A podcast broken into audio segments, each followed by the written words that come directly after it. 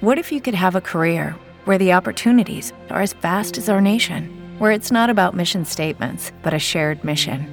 At U.S. Customs and Border Protection, we go beyond to protect more than borders from ship to shore, air to ground. Cities to local communities, CBP agents and officers are keeping people safe.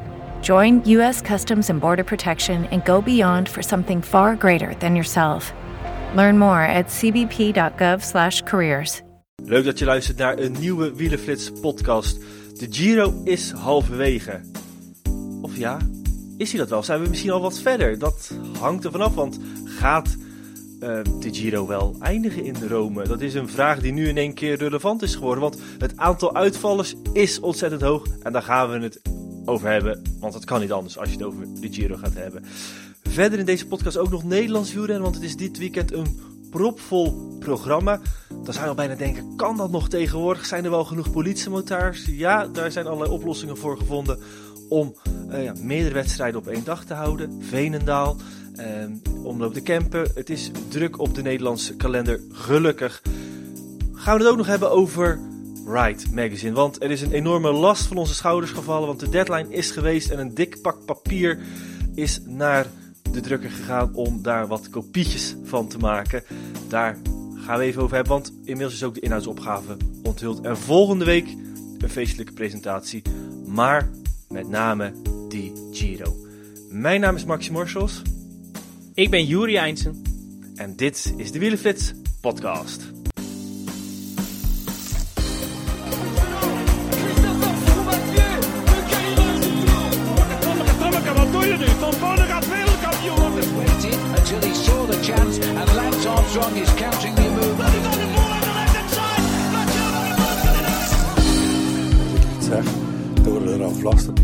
En dan er morgen een wielflits. Ja, Juri, we zijn weer terug naar een weekje afwezigheid. Uh, omdat jij lekker met vakantie was. Maar heb jij wel een beetje van die vakantie kunnen genieten? Omdat er, uh, nou ja, je hoefde maar twee keer met je ogen te knipperen. Of er was weer een renner uit de Giro weggevallen. Ja, uh, nou ja, de eerste uh, deel van de vakantie regende het nogal veel. En regende het opgaves in de Giro. Dus wat dat betreft, nou ja, heb ik eigenlijk best wel veel gezien. Um, dus ja, ik heb er op zich wel enigszins van genoten. Al moet ik wel heel eerlijk zeggen. Eén uh, etappe heb ik niet live gezien. Dat was die van zaterdag, zeg ik. De, waar uh, Roglic, Garen Thomas en uh, Theo Gegenhardt wegreden. Um, die heb ik niet live gezien. de andere eigenlijk allemaal wel. Toen ben ik ook, zal ik heel eerlijk toegeven, een aantal keren slapen vallen. want het was best saai dan wel voorspelbaar. En de enige, de enige etappe, heb, ja. die was dan in één keer wel vol spektakel. Dus misschien had ik uh, wat vaker niet moeten kijken. Ja, het is uh, wat je zegt, de enige, dat is die door Ben Healy gewonnen rit. Dat is de enige echt een beetje spetterende etappe. Al moet ik ook bij zeggen, normaal gesproken zijn juist tijdritten eigenlijk een beetje van die etappes die toch de spanningsboog uh, niet lang weten vast te houden of, of spanning te houden dat was in ieder geval afgelopen zondag wel anders. Het was wel echt een spannende tijdrit. En dat al halverwege een grote ronde. Normaal gesproken halen die ook juist de spanning uit het klassement. Maar nu voegde die hem toe. Ja, um, Evenepoel was daar in één keer uh, veel minder sterk dan uh, verwacht eigenlijk. Want iedereen dacht, oké, die gaat dat met twee vingers in zijn neus winnen nadat Ghana was afgestapt. Uh, dat was dus zeker niet het geval. Um, maar bleek natuurlijk achteraf ook waarom. Um, want ook hij werd gegrepen door het coronaspook. Dat uh, weer vrij rondwaart in het uh, peloton. Um, ja, heel erg zonde eigenlijk dat, dat we meteen, nog voor de Giro eigenlijk is begonnen, de topfavoriet al verliezen. Ja, en daarvoor heeft hij wel uh, best wat ritten toch nog kunnen rijden. Maar ja, nog altijd niet uh, moet het gewoon nog losbranden. Ja, dat duurt best nee, lang. dat klopt. Duurt ook best lang. Um, want iedereen verwacht eigenlijk dat dat komende zaterdag wellicht gaat uh, gebeuren. Als de uh, Giro in Zwitserland finisht uh, in het kanton Wallis op Crans Montana. Um, alleen daar is de, moet ik het goed zeggen, de Grand Bernard Grand of de Saint Bernard. Ja, Grand Saint Bernard. Nou, kijk, ik had het gewoon samen moeten voegen, dan was ik er geweest. De Cima Coppi van deze Giro d'Italia is uh, nou ja, gedecimeerd, is onthoofd eigenlijk. Hè, het dak van de ronde is, uh, is onthoofd. Want ze finishen niet meer bovenop vanwege de vele sneeuwval. Um, en ja, daardoor, want die klim was de eerste van de dag, um, ja, wordt het ook een beetje een, een nou ja, wordt het simpel gezegd een gemakkelijkere etappe. Ik wil niet zeggen dat het een makkie is, want dan zal iedereen vervloeken, mij vervloeken die dit luistert. Um, alleen punt is wel, ja, dat was eigenlijk een beetje de eerste rit waar we misschien wel voortekenen zouden zien. Um, maar ja, nu, omdat die eerste beklimming veel minder zwaar is, gaan daar veel meer renners overleven. En zou het best wel eens kunnen zijn dat de uh, favorieten die er nog over zijn in deze Giro, hun kruid uh, droog houden. Want laten we eerlijk zijn, die slotweek is zo ontzettend zwaar dat wie er ook een verschil maakt in die, uh, in die rit naar, naar Kraus Montana, ja, wat is dat waard in die slotweek? Ja, natuurlijk, maar... we kunnen eerste tekenen zien, maar ik vrees nog niet echt een grote strijd van de overgebleven klassementsrenners. Nou, kijk, het was ja mooi geweest dat die uh, Grand Saint-Bernard naar bijna 2500 meter, nou dat is echt een hoogte die in koers uh, zelden wordt gedaan, zeker niet als, als tussenstop. Uh, er gaat nu een tunnel gepakt worden omdat er lawinegevaar is, dus is de top um, op 1878 meter. Dat is nogal een verschilletje. Maar daarna volgt er nog een flinke berg en een aankomst bergop. Ja, Juri, als de renners hier niet gaan, het niet gaan proberen, uh, waar dan wel nog? Nou ja, ik, zie, ik, zie er geen ik zie er geen ander scenario dan uh, spektakel van dan aanvallen van de klassementsmannen. Nou, ik, ik toch niet hoor.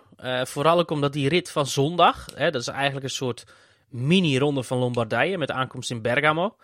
Ja, dat is gewoon een heel gevaarlijke rit. Um, Nicky Terpstra zei het nog in een van de podcasts, volgens mij was het bij In het Wiel, dat dat soort etappes klassementsrenners haten die etappes, want je kunt daar niks winnen. Maar het gevaar dat, dat hè, er gaat er in één keer iemand rijden voor zijn zevende plek. En dan gaat er nummer 6 rijden en de nummer 5 en de nummer 4. Nou ja. En uiteindelijk ook de roze trui, want de nummer 2 begint te rijden. En ja, dat soort ritten zijn heel gevaarlijk. Uh, en ik denk dat ze daar meer tegenop zien dan die, dan die bergrit van zaterdag. Ja, maar waarom zou je het... We zijn al over de helft van de Giro, hè? Waarom zou je wachten? En energie sparen als klassementsman, dat bestaat bijna niet. Zeker niet in de bergrit. Nee, nee, tuurlijk, daar ben ik ook met je eens. Maar ik, ik hè, Thomas gevallen uh, in de rit van woensdag twee keer. Uh, Roglic hard gevallen. Um, nou ja, andere renners die ook uh, ziek, zwak en misselijk zijn. Ik verwacht niet dat, dat iedereen het onderste uit de kan gaat halen. De enige die er misschien wel een beetje baat bij heeft, is uh, Joao Almeida. Die eigenlijk een beetje overal van uh, bespaard blijft tot op heden. Um, ja, die zou iets, iets kunnen ondernemen, maar dat is nou net een renner die dat nooit doet. Want die moet eigenlijk die klimmen altijd op zijn eigen tempo rijden. Ja, en juist hetgene waar hij toch nog het minst heeft laten zien, en dat zijn op die hele lange en vooral hele hoge beklimmingen, ja, die, zitten, die is er nu tussenuit gevallen. Nu is dat wel al vroeg in de etappe, maar alles boven de 2000 meter is terrein, of echt de, de hele lange beklimmingen waar hij het normaal gesproken net moet laten afweten. Dus het is, het is ook nog eens in zijn voordeel. Ja. Maar wat, ja, Juri, ik zie geen ander scenario bijna dan dat Roglic er vol voor gaat. Want de man die eigenlijk met de slechtste papieren aan de Giro begon van de topfavorieten, heeft nu in één keer nou ja, wel de beste papieren. Ploeg is nog compleet. Uh, ploeg is nog sterk. Hebben we nog heel weinig hoeven zien. Alle renners die, we, die ze mee hebben, uh, merendeel daarvan is klimmer. Hebben we nog bijzonder weinig van hoeven zien. Uh, ja, weinig, weinig tegenslag gehad. Hun, hun terrein komt eraan. Ze kunnen deze Giro vanaf nu uh, tot het einde dragen. En dan heb ik het over Jumbo-Visma. Ja, nee, ja, ja, het zou kunnen. Dat zou kunnen. Um, en ik ben ook wel benieuwd of dat uh, zo gaat zijn. Alleen, ja, wat ik zeg, die slotweek is nog zo ontzettend zwaar. Daar heb je ook iedereen nodig die je nog nodig kunt hebben. En uh, ja, laat, laat ze eerst maar eens Ineos uitroken. Want die, moeten we niet vergeten, zijn nog altijd heel gevaarlijk. Hart is dan wel uh, weggevallen met zijn gebroken heup. Sivakov verloor bijna een kwartier en is kansloos voor het klassement. Maar laten we niet vergeten dat die ook nog op 2,5 minuut van het roze hebben. Tijmen Adensman en Laurens de Plus, de nummer 8 en 9 in het klassement. ik kan me heel goed voorstellen dat Jumbo-Visma nu zoiets van, heeft van... Goh, eh, bij Ineos hebben ze, zijn ze al wat mannen kwijt. Laat die eerst ook maar die andere mannen die nog hoog in het klassement staan... eh, vooral knechten en uitroken ehm, de komende dagen. Zodat die geen factor meer kunnen spelen in die laatste paar loodzware dagen voor Rome. Ja, maar dan realiseerde natuurlijk de strijd tot opnieuw een tweestrijd uh, Jumbo-Visma-Ineos. Ehm, maar er zijn natuurlijk nog altijd wel wat meer gevaarlijke klanten. Want als je kijkt naar eh, het klassement op dit moment... Ja, pas zelfs de hele top 10 is gewoon nog kans hebben. Er staan een aantal al eh, richting de drie minuten en, eh, en zelfs iets eroverheen. Maar in deze gekke Giro zijn dat, zie ik dat nog altijd wel als potentiële podiumkandidaten. Zeker, Een- alleen een- een voor Jack Hague is het nog een- wat anders. Of een Hugh Carty, zeker. Ja. Nou, laat ik zo zeggen, de, de ploeg die, waarvan ik wel heel veel verwacht richting Crans Montana is, is Bahrein Victorious. Want die staan met, eh, met drie man bij de eerste dertien nog. Met een aantal gevaarlijke mannen. Met Caruso, met Heek, wat je net al zei, en met uh, Buitrago. Ehm, dus daar verwacht ik wel het een en ander van. Maar wat ik zeg, ik, denk dat ze bij Jumbo-Visma gewoon gokken op het feit van... Goh, eh, laat, laat Ineos maar nerveus worden als bijvoorbeeld dat soort mannen gaan. En laat ze maar Arendsman in de plus als dan meesterknechten uitroken, zodat die eigenlijk geen gevaar meer kunnen vormen met bijvoorbeeld een eh, lastige vluchtgroep in een van die laatste etappes. Ja. Want als ik heel eerlijk ben, als, hè, die zaterdagrit heb ik teruggezien, daar heb ik wel al een voorbode gezien. En dat, ja, ik denk dat Thomas en Roglic aan elkaar gewaagd zijn. En eh Almeida zal er ook kort bij zijn, maar dat zijn normaal gesproken wel de drie Ze staan nu ook 1, 2 en 3, maar dat zijn wel de, eerste drie die ik ook straks in Rome op het eindpodium verwacht. Is natuurlijk zo dat ze bij eh Ineos verschillende paarden kunnen wedden, of in ieder geval het spel kunnen spelen van eh, kunnen demareren. Dus Arendsman uh, proberen naar voren te sturen, Sivakov uh, toch proberen naar voren te sturen om, om in ieder geval nerveus te worden. Datzelfde kan met Laurens de Plus. Dat spelletje kan Jumbo-Visma niet spelen. Daar is het gewoon reageren en de boel bij elkaar houden om Roglic gecontroleerd uh, eigenlijk richting Rome te laten rijden. Ja, zeker. Maar laten we ook vooral niet vergeten dat uh, Jumbo-Visma hier niet echt verre van uh, de sterkste ploeg aanwezig is. Hè? Uh, Gloak natuurlijk op het laatste moment in moeten vliegen, echt op het allerlaatste moment. Maar ook Rowan Dennis, Sam Ome waren er allemaal niet bij geweest op voorhand. Sepp Koes eigenlijk ook niet, maar heeft wel de volledige voorbereiding kunnen doen. Um, maar ja, als je ook ziet hoe Gloak hier in de ronde rijdt, ja, daar hebben ze eigenlijk helemaal niks aan. Um, Dennis wordt wel steeds beter. Hesman rijdt echt fantastisch. Um, Bouwman is er altijd bij. Koes hebben we goed van voren gezien. Alleen, ja, om nu te zeggen dat die zo sterk zijn dat ze echt vol nog die laatste zes ritten kunnen controleren. Ik zou als Kun was nog even wachten, als die mogelijkheid zich voordoet. Ja, maar waar had je Klook willen zien dan al? Nou ja, nergens, maar die, uh, die is eigenlijk nog niet van waarde geweest. Niet wat wij gezien hebben. Hè? Als je elfde wordt in Romandie, wat echt heel knap is, want het is wel echt een heel groot talent. En ja, je ziet gewoon dat hij niet de voorbereiding heeft gehad um, om, ja, om hier volledig goed ja, heeft hij wel aan gedaan, de slag te komen. Ondanks dat met, hij... Ja, dat weet ik. Mee op training, Zeker, op, op hij is mee... stage geweest. Zeker. Dus, kijk, het kan zijn, hè, dat is, nu komen we op het punt dat we het eigenlijk niet heel goed weten. Want we kunnen één keer zijn dat hij zich nog geen trap te veel heeft hoeven doen. En dat we hem gaan, dat we hem gaan zien. Het kan ook zijn dat het gewoon nog net ja. te zwaar voor hem is. En uh, we moeten ook niet vergeten dat hij al dat ze nu al richting de twee weken regel op hun uh, hoofd krijgen, dat het er niet meer in zit. Maar het zou mij niet verbazen als hij gewoon in een van de komende ritten uh, wel eens een keer uh, een hele dag op kop gaan zien sleuren als dat nodig is. Puur omdat hij dat energie ja, heeft nee, sparen. dat, dat denk ik toch niet. Ja, dat zou heel goed kunnen. Alleen het punt is dat zij um, Gloak wel meegestuurd hebben op, de, op hoogtestage na de tijden, richting Romandie en om hem ook te leren wat zo'n hoogtestage inhoudt. Hè, met Roglic daar ook bij, wat hij doet en hoe hij dat doet. Uh, alleen dat hij eigenlijk gewoon nooit voorzien was voor de Giro. Dat het ook echt, nou ja, ook niet het plan was om hem als reserve op te roepen. Wat natuurlijk ook wel logisch is, want voor hem zijn vier anderen geweest. Ja. Um, of drie anderen geweest. Dus ja, uh, ja en, ik, en niet te vergeten hij heeft inderdaad die nog, voorbereiding meegedraaid. Ja, en niet te vergeten dat natuurlijk ook nog een superjonge snaak is van uh, 21 jaar. Zeker, ja. Nee, ik zeker, wel af- absoluut. wat ik dat ook is wel eh, afvroeg, hè? Ehm, Zo'n Thibaut Pinot, die heeft het eigenlijk in het begin al een beetje laten lopen, omdat hij toch niet voor het klassement eh, wilde gaan. Zelfs in het begin in de blauwe trui reed en nog steeds zei van, nou, het bergklassement is eigenlijk geen doel van me. Die staat nu... maar wel vervolgens al die puntjes begon te Precies, verzamelen. ja. En nu nog gewoon tweede staat in het klassement. Weliswaar op eh bij de helft van het aantal punten van eh Baes die, eh, die nu in die blauwe trui rijdt. Maar goed, er wordt nog zoveel geklommen, dus hij is absoluut nog niet kansloos. Maar hij staat nu, als ik even kijk in het klassement, net buiten de top 10, 14e. 4 minuten Ja. 48. Ik heb even gekeken, waar heeft hij dan dat, het merendeel van zijn tijd verloren? Dat is in de tijdritten. Is dat een verrassing? Nee. Maar met de wetenschap hoe die Giro zich nu ontvouwt. En hij vooral in die rit die jij dus niet gezien hebt, in die van eh Healy won. Daar verliest hij een minuut. Omdat hij eh, niet zijn beste dag kende op de klassementsmannen. Maar trekt hij een minuut eraf. En eh, ja, dan staat hij, ja, staat hij echt op randje top 10. Zou Ja. hij toch eens even gedacht hebben van oei, laat ik hier een kans liggen op een hele krappe top 5 positie.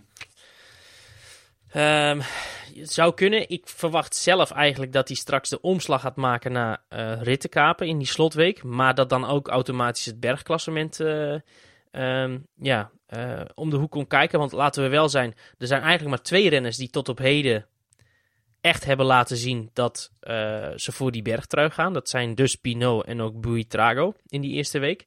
Nou, Bijs heeft uiteindelijk dat bergklassement eh, gepakt omdat hij ehm, die ritzegen pakte. Daar heeft hij een hele sloot punten verzameld.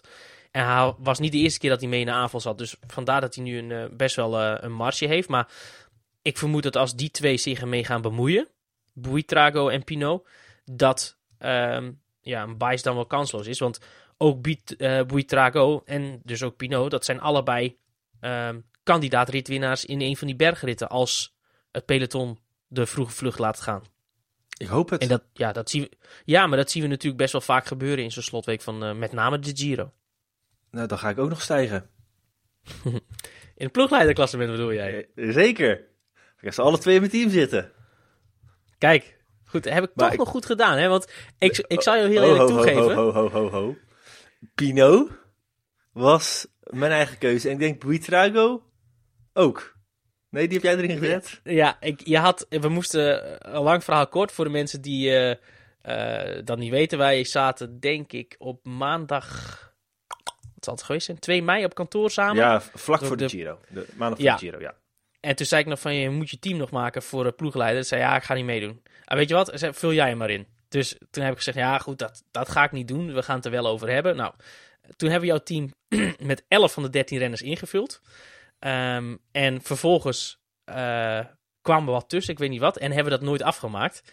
Dus ik zou mijn laptop afsluiten toen ik weer naar huis toe zou. En toen zag ik nog, oh ja, dat moeten we nog even afronden. Dus wat heb ik gedaan? Ik heb met die 15 resterende punten die je had, en de drie open plekjes, drie renners van vijf punten geselecteerd. Volgens mij Bitrago, Healy en die andere wil ik me niet op vastpinnen. Maar dat zal de andere overgebleven renners zijn met vijf punten. En ik hoor Ja, dat je niet gaat ik kijken. eh, Max Kanter geweest. En dat is geen eh, ja. hele goede... dat keuze. eh Maar goed, sloeg Kanter eh, nog wel. Eh, Fiorelli was een, eh, een goede van mezelf. Eh Ar Armirai heeft ook al best wat puntjes opgeleverd voor iemand van twee waarden. Ja. Eh, Healy, zeker met die ritzegen. Eh ja, tot nu toe zijn natuurlijk alleen de Meijerhoven, een van de pooltips die het nog niet echt heeft laten zien. En, nou, ja, toch al eh, de nodige puntjes verzameld hoor. Ja, maar voor we een niet alleen voor. Ja, oké, oké. Voor de één punten doet hij het goed. Maar ehm, ja, ik was wel vergeten om uh, Tratnik er nog uit te knikkeren. Dus die Oei. begon met één, één renner minder aan de, de Giro. Maar goed, we, dat is de, het subtiele bruggetje naar de Wielenflits ploegleider. Wat in volle vlam wordt eh, gespeeld eh, op dit moment. Eh, Maar ook daar is natuurlijk een afvalrace in. Want ja, iedere dag moet je maar hopen dat er niemand van jouw renner, renners erbij zit. Bij mij is er dus al drie renners er tussenuit. Hoe ga jij? Ehm, ik zit er volgens mij ook op drie. Maar ik ben wel blij, want ik heb op het allerlaatste moment nog geswitcht tussen Theo Gegenhardt en Joao Almeida. Ehm, want Hart vond ik beter en was dus meer waard voor mij in, ehm, eh, nou ja, in, in het spel. Ik denk dat daar, kan ik, daar heb ik meer aan. Punt is alleen dat ik dacht, ja, Joao Almeida kan via de, uh, het jongere klassement ook nog de nodige punten pakken. Ja, en, en dat is eigenlijk een keuze waar ik nu absoluut geen spijt van heb. Uh, en ik ben, even kijken, op dit moment twee renners kwijt. en ik vrees dat daar een derde bij komt binnenkort. Ja, bij mij was het, ik ging hartstikke goed, maar de, ik had dus ook wel hard in mijn team zitten. Oei. Die dus is weggevallen. Maar ik zie ook en niet even de pool voor... En even de pool ook. Sorry, ja, dus ga voor, verder. Voor het klassement wordt het dan lastiger. Maar ik zie in jouw team, en dat is ook weer een mooi om uh, dit af te sluiten. Jonathan Milan, de man die wel, als we het hebben over rens die definitief doorbreken in deze Giro, dat zijn er nog niet zo heel erg veel. Uh, nee. Maar Jonathan Milan, daar zullen we het over eens zijn, staat in ieder geval bovenaan. Dat. Ja, nee, dat is, uh, dat is absoluut, ja, absoluut de doorbraak van deze Giro. Um, ja, wel grappig, want ik had hem dus eerst in mijn, al mijn teams zitten. Uh, omdat hij op de voorlopige startlijst stond. Toen uh, werd hij daar op de een of andere manier afgehaald. Dus werd hij ook uit alle spelletjes gegooid. Heb ik hem weer weggehaald. Um, en vervolgens kwam hij een week van tevoren uh, weer terug op de startlijst. Want toen had Bahrein de selectie gecommuniceerd. En was hij overal duurder geworden. Dus ik baalde als een stekker, want toen moest ik nog weer alles ombouwen. Maar dat heb ik toch in, ja, in ieder spelletje gedaan, waaronder dus ook ploegleider, waar hij echt helemaal niet zo duur was. Um, en ja, uh, dat is tot op heden wel een uh, ja, renner geweest die uh, verschrikkelijk veel punten voor, voor mijn ploegleiderteam heeft gepakt. Won natuurlijk meteen die eerste sprint en is daarna nog drie keer tweede en een keer zevende geweest. Waardoor hij dus ook nu aan de leiding staat van het puntenklassement en daar iedere dag nog altijd punten voor pakt. Ja, goede, goede zet geweest. En ook wel opvallend. Um, nou ja, voordat we naartoe gaan, hij is einde contract. Weten we nu al officieel waar hij naartoe gaat? Uh, nou, officieel is dat altijd pas in augustus, maar uh, alle seinen staan op groen voor hem om naar uh, Trek Segafredo te gaan. Um, daar, of Trek Lidl moeten we volgens mij zeggen, want volgens mij wordt Lidl daar de nieuwe sponsor. Of Lidl Trek, hoe is het ook weer? ik dacht Lidl Trek, ja.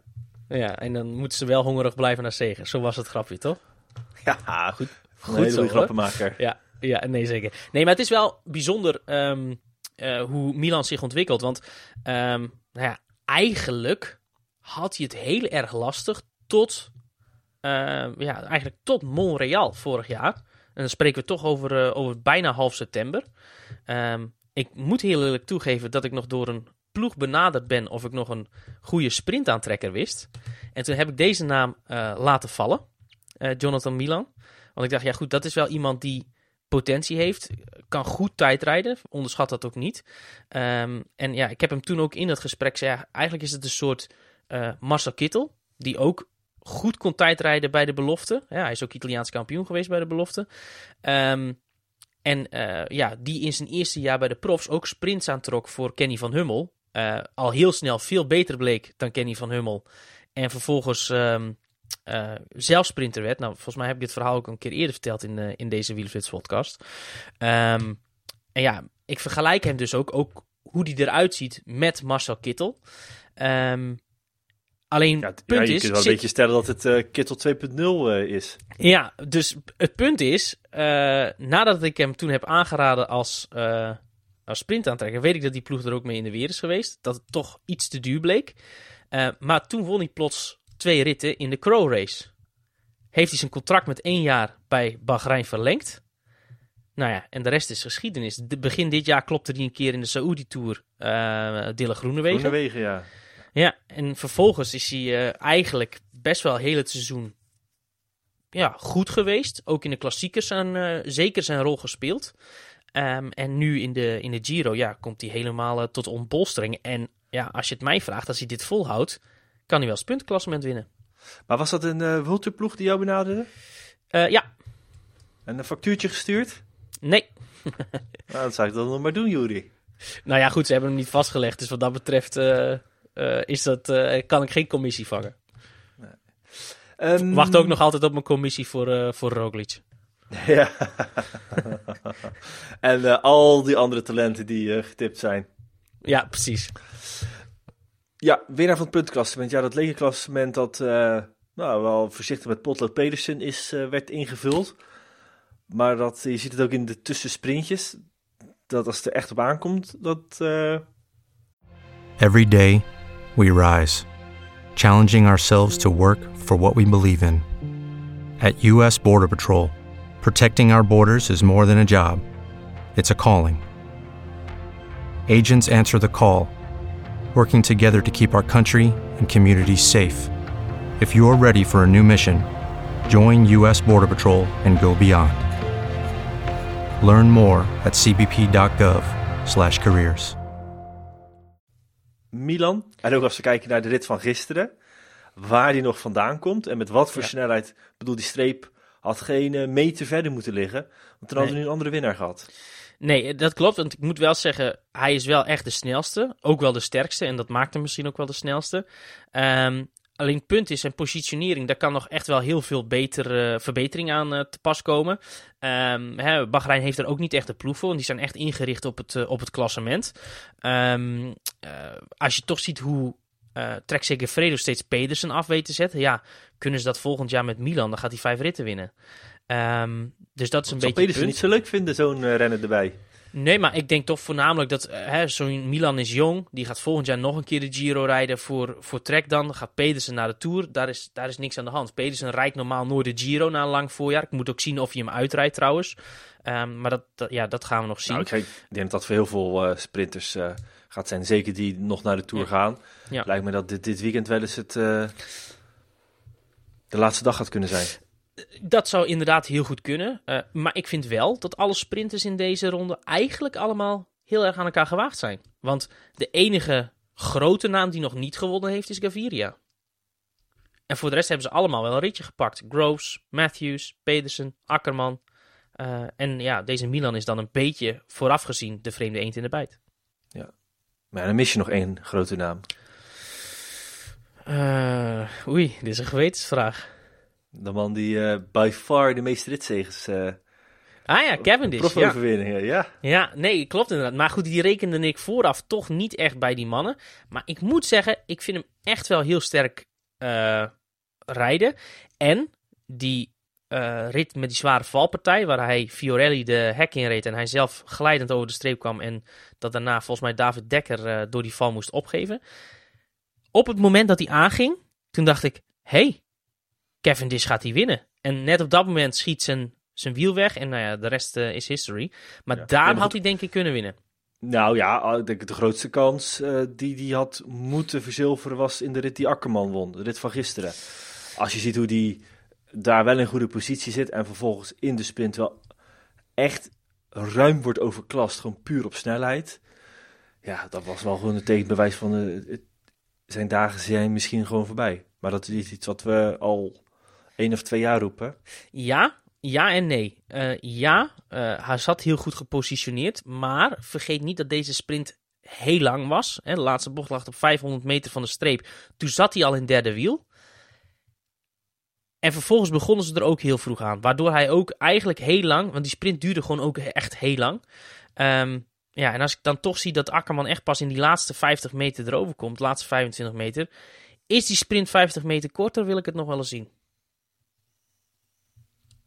Ik heb Cavendish nog niet uitgesloten. En als die Rome haalt, zou dat best wel eens een renner kunnen zijn die dan nog in één keer... Nou ja, wetende dat er een heel aantal sprinters tussenuit gaan. eh, hij gaat die bergjes wel kunnen overleven. Daar is hij taai genoeg voor als hij dat Ja. zelf wil. Ja, dan eh, gaat de spoeling in Parijs helemaal dun zijn. Rome. Bedoel ik. Maar, en dat moet ik toch ook wel nageven. Ik had niet meer verwacht dat hij bij Astana dit niveau zou halen. En ik ben er toch nu. Ik sluit die 35e ritzege in de Tour straks niet uit. Met wat hij tot op heden heeft laten zien. Nou, ik wel. Als je ziet dat, ja, Juri, als je ziet dat hij hier toch eh, de topsprinters er gewoon niet zijn. Eh, kijk eventjes wat eh, van de week in Hongarije gebeurde. Als je daar Jacobs aan het werk zag, als je daar ook Groenewegen aan het werk zag, dat is echt wel van een paar klasses eh, verschil in een tour. En we moeten ook niet vergeten. Dat is dan nog wel het knappe aan Kevin is op dit moment. Hij heeft geen ploeg, maar dat gaat hij ook in de Tour waarschijnlijk Nou ja, dan heeft hij Kees van niveau. Ja, dat is tot nu toe een perfecte combi geweest, ja. Ja, Nee, ja, goed. eh, oefening baart kunst, hè? zeggen. Wie weet, wie weet. Maar ik, uh, ik heb een hard over zien dat dat gaat, ja. uh, gaat lukken. Maar dat gaan we zien. Jullie, um, veel kansen nog voor de aanvallers. Is er nog eentje die jij wil uitlichten waarvan je zegt, nou, daar heb ik wel wat van... Ja, ik... Uh, te ik... verwachten. We hebben natuurlijk Ben Healy. Dat ja. kan zo... Want dat is ook wel opvallend dan deze Giro. Het is nog geen enkele renner die twee ritzegers heeft behaald. Nee, maar ik moet wel zeggen dat um, de vluchters best wel vaak al gehaald hebben. Um, deze Giro. Als je nou ja, toch ziet dat. Um, even kijken, zal ik heel even tellen. Uh, was een vluchters 1, Bice was een vluchters 2, Healy was een vluchters 3 en Kort was een vluchters 4. Dat van de 11 etappes vier gewonnen zijn, hè? dus meer dan een derde uh, door vluchters. Vind ik best veel als je ook bedenkt dat er twee tijdritten tussen zitten. Um, dus ja, ik, ik verwacht zeker de komende dagen, hè, die vrijdag-etappe, of de donderdag-etappe naar Rivoli. En ook die um, um, zaterdagrit naar Bergamo. Ja, dat zijn echt, echt uh, vluchtersritten. Uh, daar verwacht ik echt nog wel ja, een putsch. En voor de, vrijdag of voor de donderdag-etappe ga ik echt, echt voor Healy. Ja, die etappes voor hem gemaakt die etappe naar Bergamo eigenlijk ook. Maar ik kan me moeilijk voorstellen dat de vluchter drie etappes weet te winnen, hoe sterk hij ook is. Um, ik verwacht zelf dat in die rit naar Crans Montana, dat is vrijdag, uh, dat Andreas Leknesund helemaal gaat wegvallen uit het klassement. Uh, en die krijgt in die zaterdagrit dan vervolgens naar Bergamo echt een, uh, een heel mooie kans om, om die ritzegen te boeken die hij wil. Um, want ja, dat zou ook nog kunnen in die loodzware slotweek. Punt alleen, hoe zeker is het dat die vlucht het gaat halen in die ritten? Uh, het kan best zijn dat ze alle drie naar de vluchten gaan. Uh, maar ja, dan heb je ook nog de factor uh, als bijvoorbeeld Sivakov weer een keer erdoor komt. Maar ook zeker de factor Pinot en um, Buitrago die ik daar verwacht. En ja, waarom ook niet Aurelien Perempintre? Ik denk dat het heel erg van afhangt hoe het klassement ervoor staat. Als dat echt al richting een, een redelijk definitieve plooi gaat, waarbij ja. topfavorieten minuten verschil tussen zit. Ja. ja. dat je andere koers krijgt dan wanneer het zo'n secondenspel als wat het ja. nu is uh, blijft.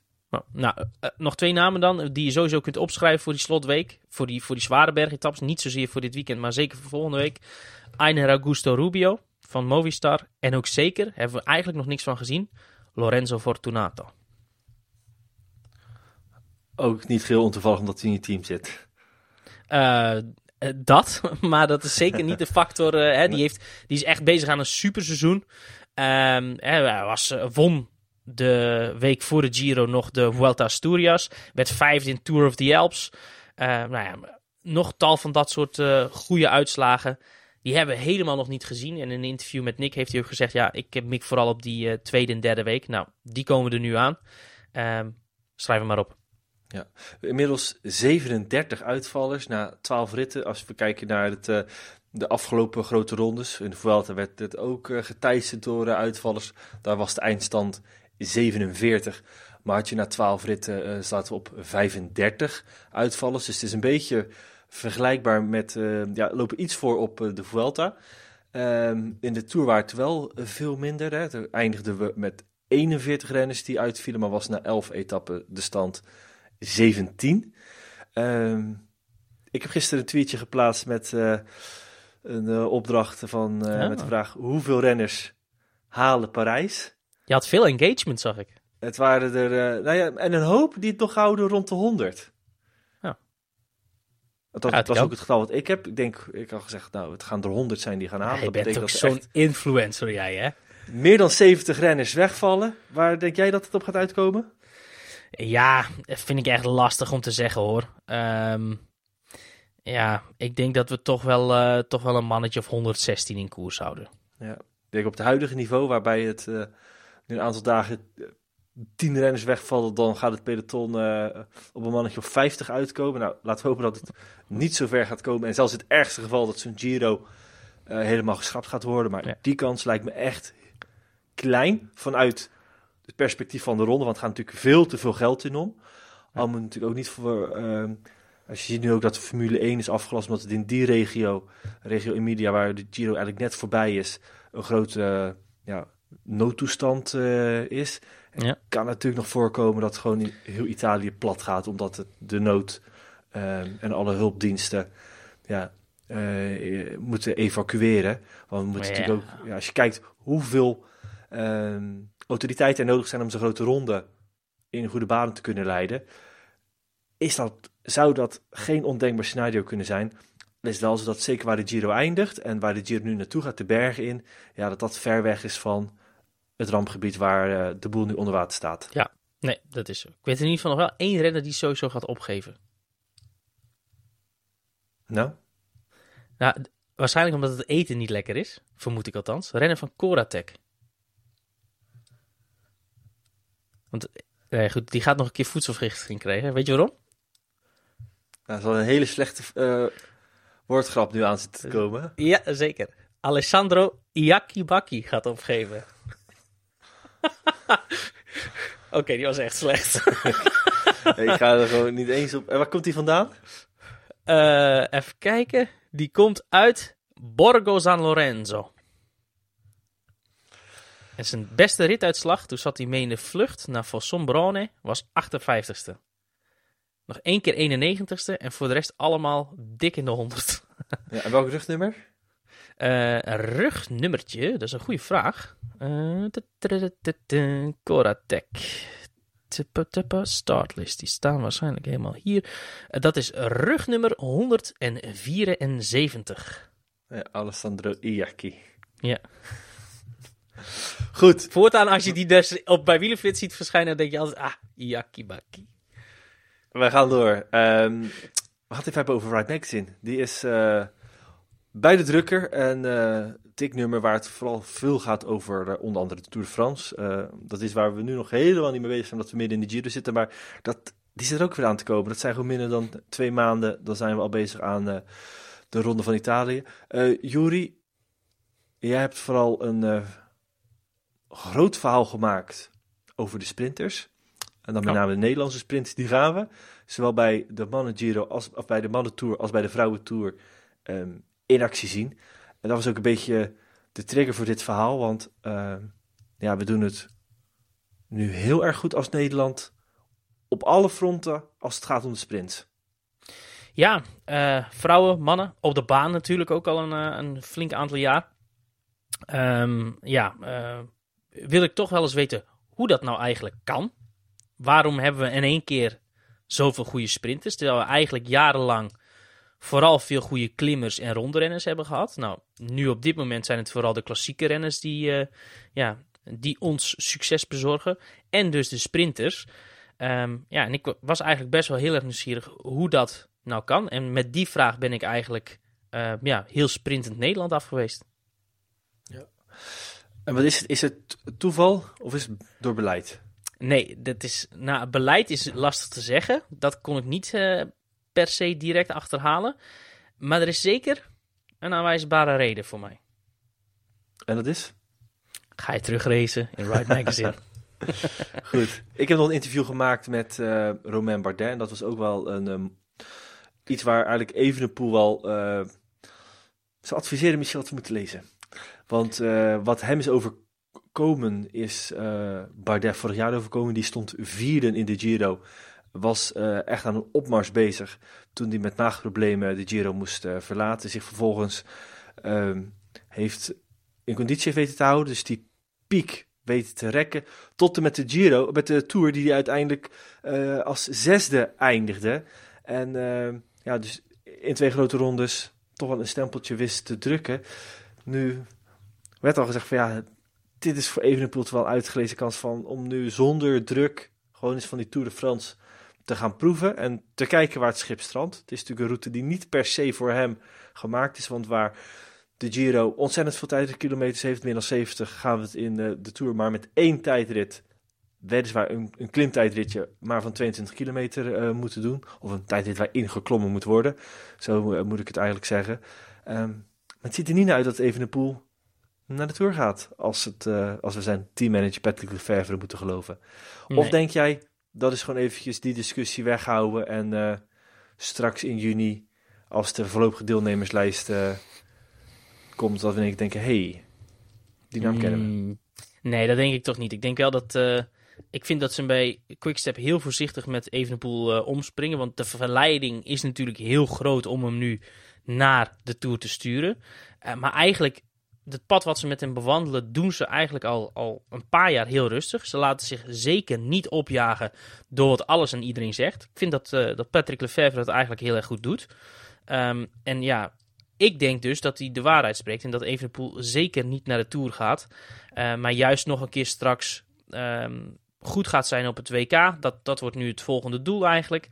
En dan uh, ja, goed, kun je altijd nog um, de Vuelta daarachteraan doen of het Italiaanse najaar gaan rijden. Uh, en dan komt volgend jaar wel een keer voor het eerst die Tour. Ja, man, die combi is wel nu goed te maken. Hè, tussen WK's dit jaar voor de Vuelta. Dus je kunt voorbereiden op het, uh, op het WK en het daarna doortrekken richting Vuelta. Ja, dus die, die combi is wat je zegt zeer goed te doen. En zelfs zou je dan daarna nog richting um, uh, het Italiaanse najaar kunnen. Um, uh, dus ja, hij kan nu zich ook eigenlijk goed, op dat WK voorbereiden. En vervolgens als titelverdediger opnieuw naar de Vuelta. Um, want ik denk wel dat je dat wil als ronde Dat, je rijdt nu zo'n halve Giro zonder echt de berg in te zijn geweest. Ja, goed, denk ik toch dat je die, die, G, of die Vuelta nog wel een keer zou willen rijden. Zeker ook voor je ontwikkeling als renner zijnde. Dus ja, ik vermoed dat dat de route gaat zijn. Ja. Wie we wel naar alle waarschijnlijkheid in de Tour gaan zien is uh, Tadej Pogacar. Dat is nog altijd even een vraagteken, want hij heeft nog niet buiten kunnen fietsen vanwege die uh, breuk in zijn pols. Um, je gaat hem in ieder geval wel zien in het magazine, want we hebben een exclusief interview met uh, Tadej Pogacar gemaakt door onze collega Raymond. groot verhaal daarmee gemaakt, ook met Marijn Zeeman en Mathieu Heijboer over het succes van Jumbo-Visma. Want ja, een heel aantal jaar geleden was het nog niet waren ze verder van zo goed als nu. Toen waren ze zelfs de slechtste ploeg van uh, de World Tour, of een van de slechtere ploegen. En in korte tijd is dat uitgegroeid naar de allerbeste ploeg. Hoe dat pad is geweest, dat hebben we opgeschreven. Um, natuurlijk de column van Thomas de Gent, met erin ook nog een nieuwtje over de Tour de France. Bewaren we ook nog eventjes. Um, maar de eerste kans om het blad te lezen, dat is volgende week vrijdag. Dan lanceren we het feestelijk bij uh, Specialized in Arnhem. En je kunt erbij zijn. We hebben daar een presentatie, een quiz. We gaan ook nog een podcast opnemen. En uh, het is op de dag van de grote koninginrit in de Giro. En die gaan we na afloop ook nog op groot scherm kijken. Wil je erbij zijn? Ga dan even naar wielerflits.nl. Daar kun je je aanmelden. Waarbij je kans kan maken op uh, toegangstickets. Dus nou, Juri, wij gaan er ook aanwezig zijn. Ik weet niet ja. of dat per se een uh, pre is om er dan naartoe te gaan. Maar ja. Uh, maar Erbe Wennemars is er ook. En wie, uh, wie dat leuk vindt, ja goed. die gaat er ook te, te zien en te horen zijn. Dus altijd al fan geweest van, van Erbe Wennemars. En met hem op de foto gewild. Met een mooie Ride Magazine tussen jullie in. Nou, dan is dit je kans. Volgende vrijdag dus in uh, Arnhem voor toegangstickets. Kijk eventjes op wielerflits.nl. Gaan we door naar het Nederlandse wielrennen, want uh, Veenendaal-Veenendaal staat op het programma bij de mannen en bij de vrouwen. Um, überhaupt is het heel druk in de Lotto Cycling Cup. De opvolger van de Exterio Cycling Cup en dat was weer de opvolger van de Bingo Cycling Bingo, Cup en dat ja. was weer de opvolger van de Napoleon Games Cycling Cup. Dan hebben ze allemaal gehad. Nu dus Lotto Cycling Cup. Wielerflits BE is mediapartner. En uh, twee wedstrijden dit weekend met Veenendaal-Veenendaal die er onderdeel van uitmaakt. En de Antwerp Port Epic die er ook nog deel... En volgens mij mis ik zelfs een wedstrijd. Is er niet vandaag al eentje die er onderdeel van uitmaakt? Ga ik even ja, opzoeken. De Circuit de Wallonie of Tour de ja. Wallonie. Uh, ja. Circuit de Wallonie. Ja. Um, dus drie wedstrijden zelfs in een paar dagen tijd. Waarvan dus één in Nederland, Venendaal, Venendaal. Met daar op het affiche... Dylan Groenewegen. Meervoudig winnaar, Dylan Groenewegen, ja. Sorry, ik was iets te snel. Ik had een, een nikje. um, en, en topcompetitie, dat is ook nog dit weekend. Wat... Ja, misschien dat jij wel meer uitkijkt naar de topcompetitie. Nou, meer eigenlijk nog naar de driedaagse van Axel. Die is ook dit weekend. Uh, een van de belangrijkste juniorenkoersen van het jaar. Um, en die is in Nederland, in, uh, in Axel, in Zeeland. Um, met altijd eigenlijk uh, een tijdrit, een nou ja, potentiële waaierrit en een rit over een aantal uh, Zeeuwse keistroken. Uh, dus dat vind ik altijd een heel interessante wedstrijd om te zien. Uh, hè, Quinn Simmons heeft daar bijvoorbeeld wel eens gewonnen. Um, eigenlijk staan alle grote internationale junioren talenten daar aan de start. Dus dat is altijd een zeer interessante ronde. En ja, goed, inderdaad, omloop der Kempen kijk ik naar uit. Maar er zijn nog zoveel andere mooie wedstrijden ook dit weekend. Ik zal ze maar meteen voor iedereen die het spoorboekje wil weten erbij pakken. Giro is natuurlijk uh, Veenendaal, Veenendaal voor mannen en vrouwen. Omloop der Kempen voor mannen en vrouwen. Vierdaagse van Duinkerken met onder meer ook Olaf Kooi, Greg van Avermaat, Benoit Casnefoy en een stokpaardje van mij, Romain Gregard, die zijn eerste profzege behaalde deze week. Antwoordport heb ik dus mannen vrouwen Roente om Keul. Ook zo'n mooie Duitse klassieker is uh, dit weekend. Flash du Sud, een, Limburgse, of een uh, Luxemburgse koers waar uh, de crossers um, ja, een van hun wedstrijden rijden op de weg. Pim Ronha won daar de proloog, Lars van der Haar werd de vierde. Hoewel het voor Burgos voor vrouwen is, dus World Tour koers, driedaagse van Axel dus. En ook niet onbelangrijk, ook een Nations Cup wedstrijd. De Ronde van Vlaanderen voor junioren, zowel bij de jongens als de meisjes. Ja, als we toch even kijken naar de top competitors in Veenendaal. Veenendaal, daar is op vrijdag de wedstrijd voor vrouwen. Met aan de start uh, Lotte Kopecky onder andere.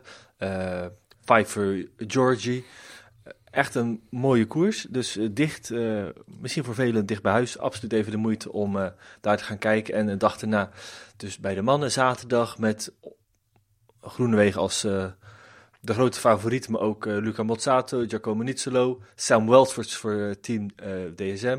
Intermarché met onder andere Hugo Page. Dus... Arvid de Klein met Tudor. Arvid de Klein en Casper van Uden ook bij team DSM. Dus hartstikke mooi. Um, we gaan druk hebben. Want we worden ja. ook nog volop gekoerst op uh, de Giro. Dus we gaan wat extra mankracht erbij moeten zetten om uh, alles te verslaan. Want dat is het. We gaan van alles wedstrijdverslagen maken. En uh, van de meeste koersen zelfs een voorbeschouwing die al online staan. Maar het zal met name de moeite waard zijn om naar de Giro te gaan kijken. Ja, zeker. En ook wel interessant, want dit was hè, een paar weken terug heeft de KNWU natuurlijk uh, ja, aan de alarmbel getrokken wat betreft politiebegeleiding. En toen was er sprake van dat er soms zelfs wedstrijden niet door konden gaan. Nou, het voornaamste pijnpunt was dit weekend. Met dus in Nederland twee keer Veenendaal-Veenendaal, mannen vrouwen. Twee keer omloop der Kennen, uh, Kempen, mannen en vrouwen. En dus de junioren driedaagse van Axel. Um, maar dat is gelukkig allemaal goed gekomen. Maar dat is nog steeds een dossier waar wij uh, aan de achterzijde druk mee bezig zijn om uh, ja, ervoor te zorgen dat dat allemaal goed in kaart komt. Want de problemen zijn nog lang niet uit het veld. Nee, en over de omloop der Kempen nog wat moois. Dat willen vanaf volgend jaar weer een UCI-koers worden. Nou, dat juichen we alleen maar van harte toe. En volgens mij wordt zelfs de ronde van Axel helemaal zonder politiebegeleiding gedaan, omdat het allemaal op omloop is. Ja, zou kunnen. Ik weet niet precies. Uh, ben een uh, weekje met vakantie geweest, dus ik weet de laatste uh, updates rondom die koers uh, helaas niet. maar goed, er zal ongetwijfeld iets gebeurd zijn, want ja, wat ik zeg, dit was een, een pijnpunt dit weekend. Maar gelukkig gaat de koers wel door.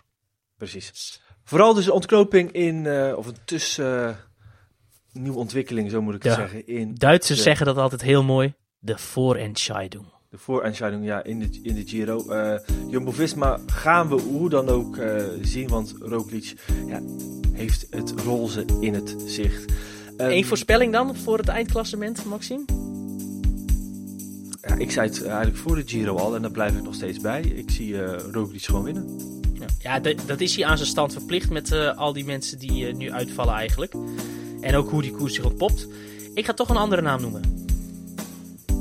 Senne Leijsen. Ja, grappenmaker. De Inside gag, joke. Uh, ja. De, de, running gag binnen de Wielflits uh, redactie. Ja, met al de ja, goed, renners uh, die uitvallen nu is uh, Leijsen serieus kans hebben. Nou, met die noot gaan we deze podcast eindigen. Volgende week zijn wij weer terug. In de tussentijd blijf Willefrits volgen voor al het nieuws. Want dat is ook zo. De Giro ontbreekt een beetje aan spankracht, maar aan interesse uh, absoluut niet, want uh, geen Dumoulin, geen Van der Poel. Inmiddels ook geen Evenepoel meer.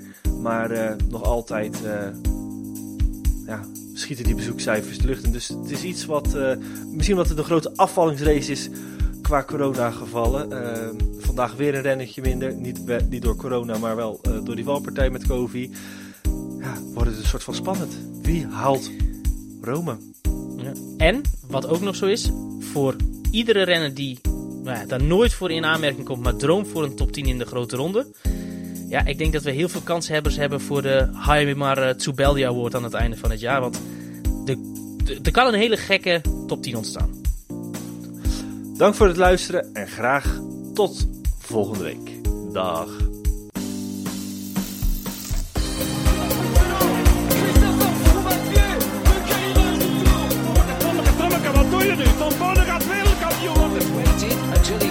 Chance and Lance Armstrong is counting the move. Zeg, door de aflaste plek en dan staat morgen een wielenflits